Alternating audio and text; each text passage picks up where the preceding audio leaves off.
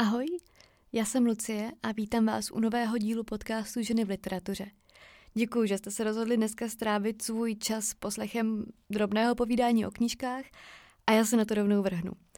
Eh, začnu hned z kraje takovou docela netradiční věcí, respektive něčím, eh, co se mi neděje úplně každý den. Vlastně se mi to neděje vůbec.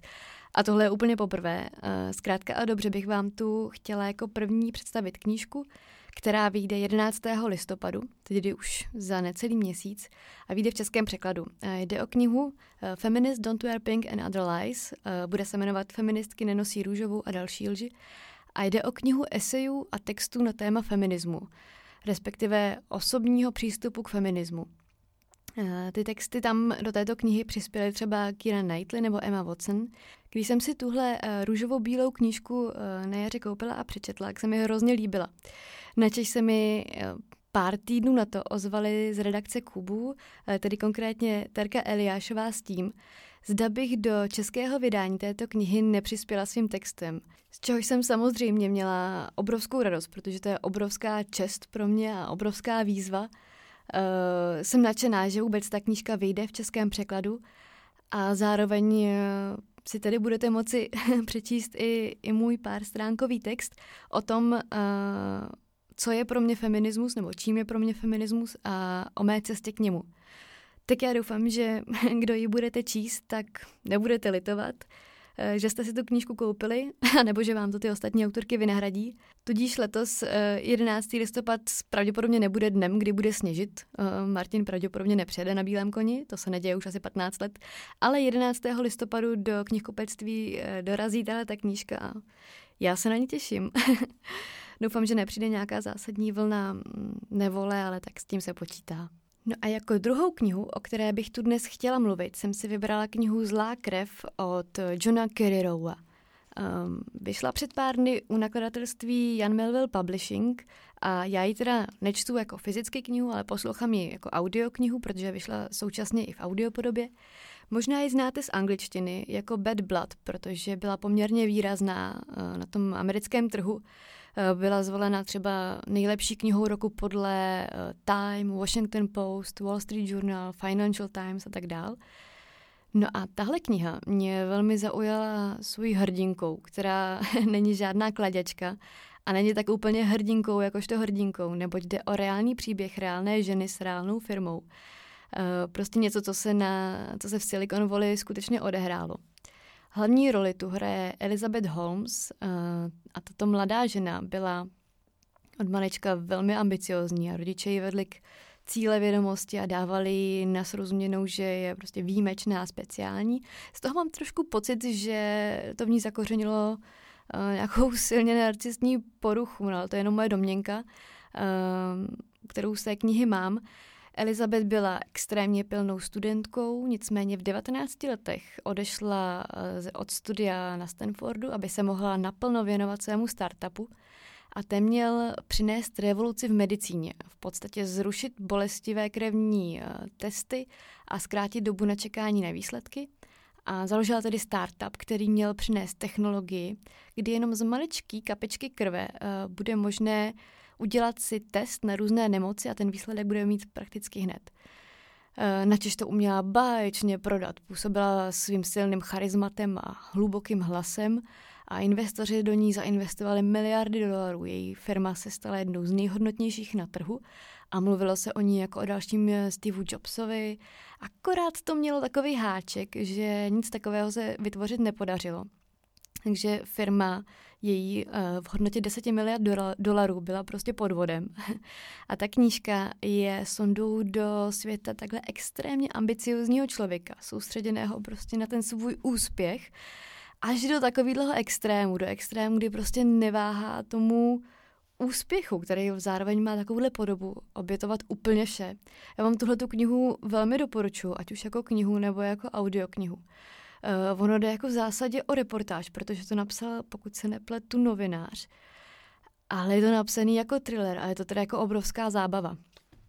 Velmi zajímavá věc. A jako je tady žena, která, která je opravdu pro mě hrozně zajímavá. Já úplně mám až jako v některých bodech pro ní pochopení, kdy ona se dostala do takového jako rytmu, kdy prostě se strašně soustředila na to, aby byla tou hvězdou a tou, tou jedničkou, až se to prostě jako nějakým způsobem zvrtlo a dospělo to takhle. Eh, na YouTube jsem pak viděla různá videa z eh, soudu s ní, kde ona je vlastně souzená za, za tyhle podvody a, a tam najednou je taková submisivní a, a existují různé sestry toho, kdy ona furt říká, že vlastně neví, jak se to stalo, neví, neví. Je to zajímavý. Druhou knihou, eh, kterou jsem v minulých dnech přečetla, je kniha Agáte od Anne Catherine Bowman. Je to taková droboučká, subtilní kniha, má asi 100 stránek a je na ní ptáček a celá působí tak jako křehce a melancholicky. Já myslím, že tohle to není jedna z úplně výrazných knih, i proto jsem po ní sahala s tím, že bych o ní chtěla mluvit, protože mi připadala taková jako mile nenápadná. No a na první pohled to vypadalo, že bude o velmi výjimečné dílo, které ze svého subtilního rozsahu vystryskne takovou tu průzračně smutnou emoci, melancholičnou, umocněné právě tou drobností toho rozsahu. Ale to se bohužel nestalo. Navzdory tomu potenciálu, které téma a vypravěč eh, tady mají, tak Agáte pro mě byla velmi povrchní a povrchovou knihou. Vypravěčem tohoto příběhu je psychoterapeut, který už je jednou nohou v důchodu, který vlastně počítá dny do svého odchodu do důchodu a počítá rozhovory s pacienty, kolik jich ještě budu muset absolvovat. A k němu se chodí léčit eh, mimo jiné pacienty Agáty, což je žena s manickými stavy. Má pravděpodobně silné deprese a tendence k sebevraždě. Ono je to zasazené do eh, prvních desítek let eh, minulého století, takže se tady pracuje ještě s takovými věcmi, jako jsou elektrošoky. To člověka trošičku vyděsí. A, a ta Agáte se cítí velmi prázdná a zbytečná a nemá chuť žít a nemá chuť se o to ani snažit. Ale o tohle to tady ani tak nejde. Uh, je tady hrozně zajímavá ta křehkost toho vypravěče, toho psychoterapeuta. Křehkost člověka, který vlastně celý život léčí mentální zdraví ostatním, ale sám vlastně jako nenalezá úplně smysl života, smysl v tom, co dělá. Sám by hrozně potřeboval pomoc. A ty pacienty vlastně moc neposlouchá a reaguje tak jako naučení, že ví, kdy má přitakat a kdy má jak se zatvářit. A jak jsem si vlastně říkala, že jsem na začátku byla úplně okouzlená tou melancholičností, tak pak tam toho vlastně nic moc jako nebylo. Bohužel se to stalo knihou, kterou jsem se jako musela až nutit dočíst. Kdyby se tam náhodou snad něco skrývalo, tak abych té knize nekřivdila, Jinou bohužel neskrývalo.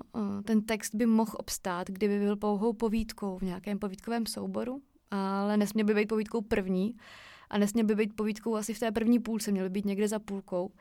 Ale jako samostatná knížka teda nic moc pro mě, bohužel. Měla jsem velká očekávání. Určitě nelituju toho, že jsem se s tím textem seznámila.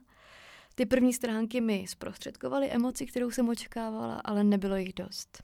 No a po této knize jsem si přečetla komiks. A komiks, který se jmenuje Introvertka v hlučném světě, napsala ho Deborah Tung.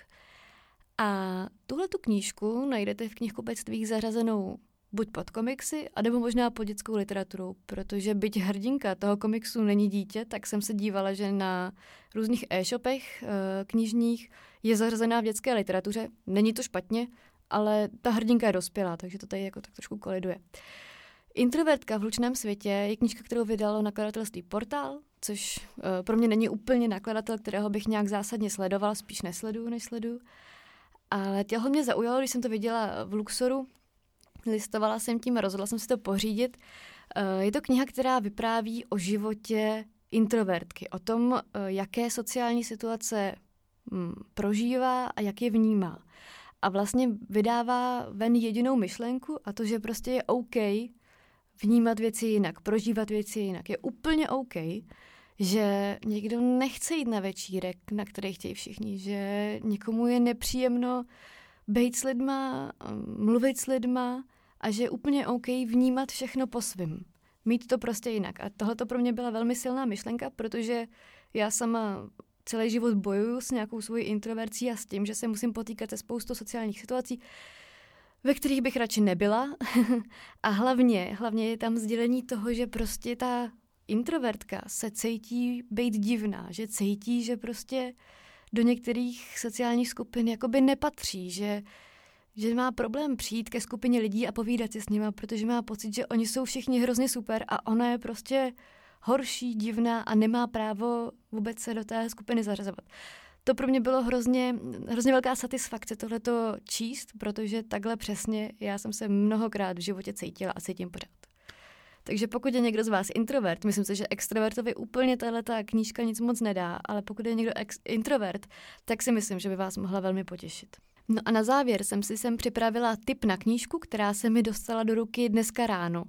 A ještě jsem ji samozřejmě nečetla. Eh, je to novinka, eh, která vyšla v pasece a jmenuje se Ranařky. Eh, autorkou této knihy je Jennifer Matthew, řekněme, dejme tomu. A musím říct, že teda tahle ta knížka se mi rozhodně stala prioritou k přečtení číslo jedna, protože mě jako extrémně, extrémně zajímá a já vám přečtu její anotaci. Vivian už toho má pokrk, už ji nebaví poslouchat sexistické narážky spolužáků, protěžování školního fotbalového týmu, ani nespravedlnosti třídního učitele a vedení školy. A hlavně má plné zuby toho, jak ji všichni pořád mají za poslušnou a hodnou holku. Když zjistí, že její máma byla členkou punkového hnutí Riot Girl, rozhodne se pro vlastní spouru. Začne anonymně vydávat feministický časopis Ranařky a pořádat protestní akce, ke kterým se přidává stále více dívek. Vivien najednou zjistí, že v malém texaském městečku, odkud pochází, rozpoutala revoluci. A taky se dokázala najít novou cestu k sobě samé i ke svojí mámě, ve které znovu probudí tu sebevědomou a energickou ženu, jakou kdysi byla. Román nejen pro mladé čtenářky a čtenáře je výzvou pro všechny, kdo si nechtějí nechat všechno líbit. Takže ranářky o té vám stoprocentně eh, řeknu příště, protože si myslím, že tak jako nejpozději pozítří budu mít dočtenou. No a já už se chystám právě teď uh, běžet se uh, domů zbalit, neboť uh, zítra ráno odlétám do Frankfurtu, kde bude knižní veletrh, obrovská knižní záležitost. A myslím, že o, ta, o tom určitě bude řeč někdy příště, protože uh, se budu hodně zaměřovat na to, uh, jak moc jsou zastoupeny ženy, jaké knihy tam mají a vůbec jak, jak ten evropský trh vypadá. Tak jo, Děkuji, že jste si dneska našli čas trochu na, na knížky a, a strávili se mnou trochu ze svého volného času a já se na vás budu těšit zase u příštího dílu. Tak se mějte hezky a ahoj.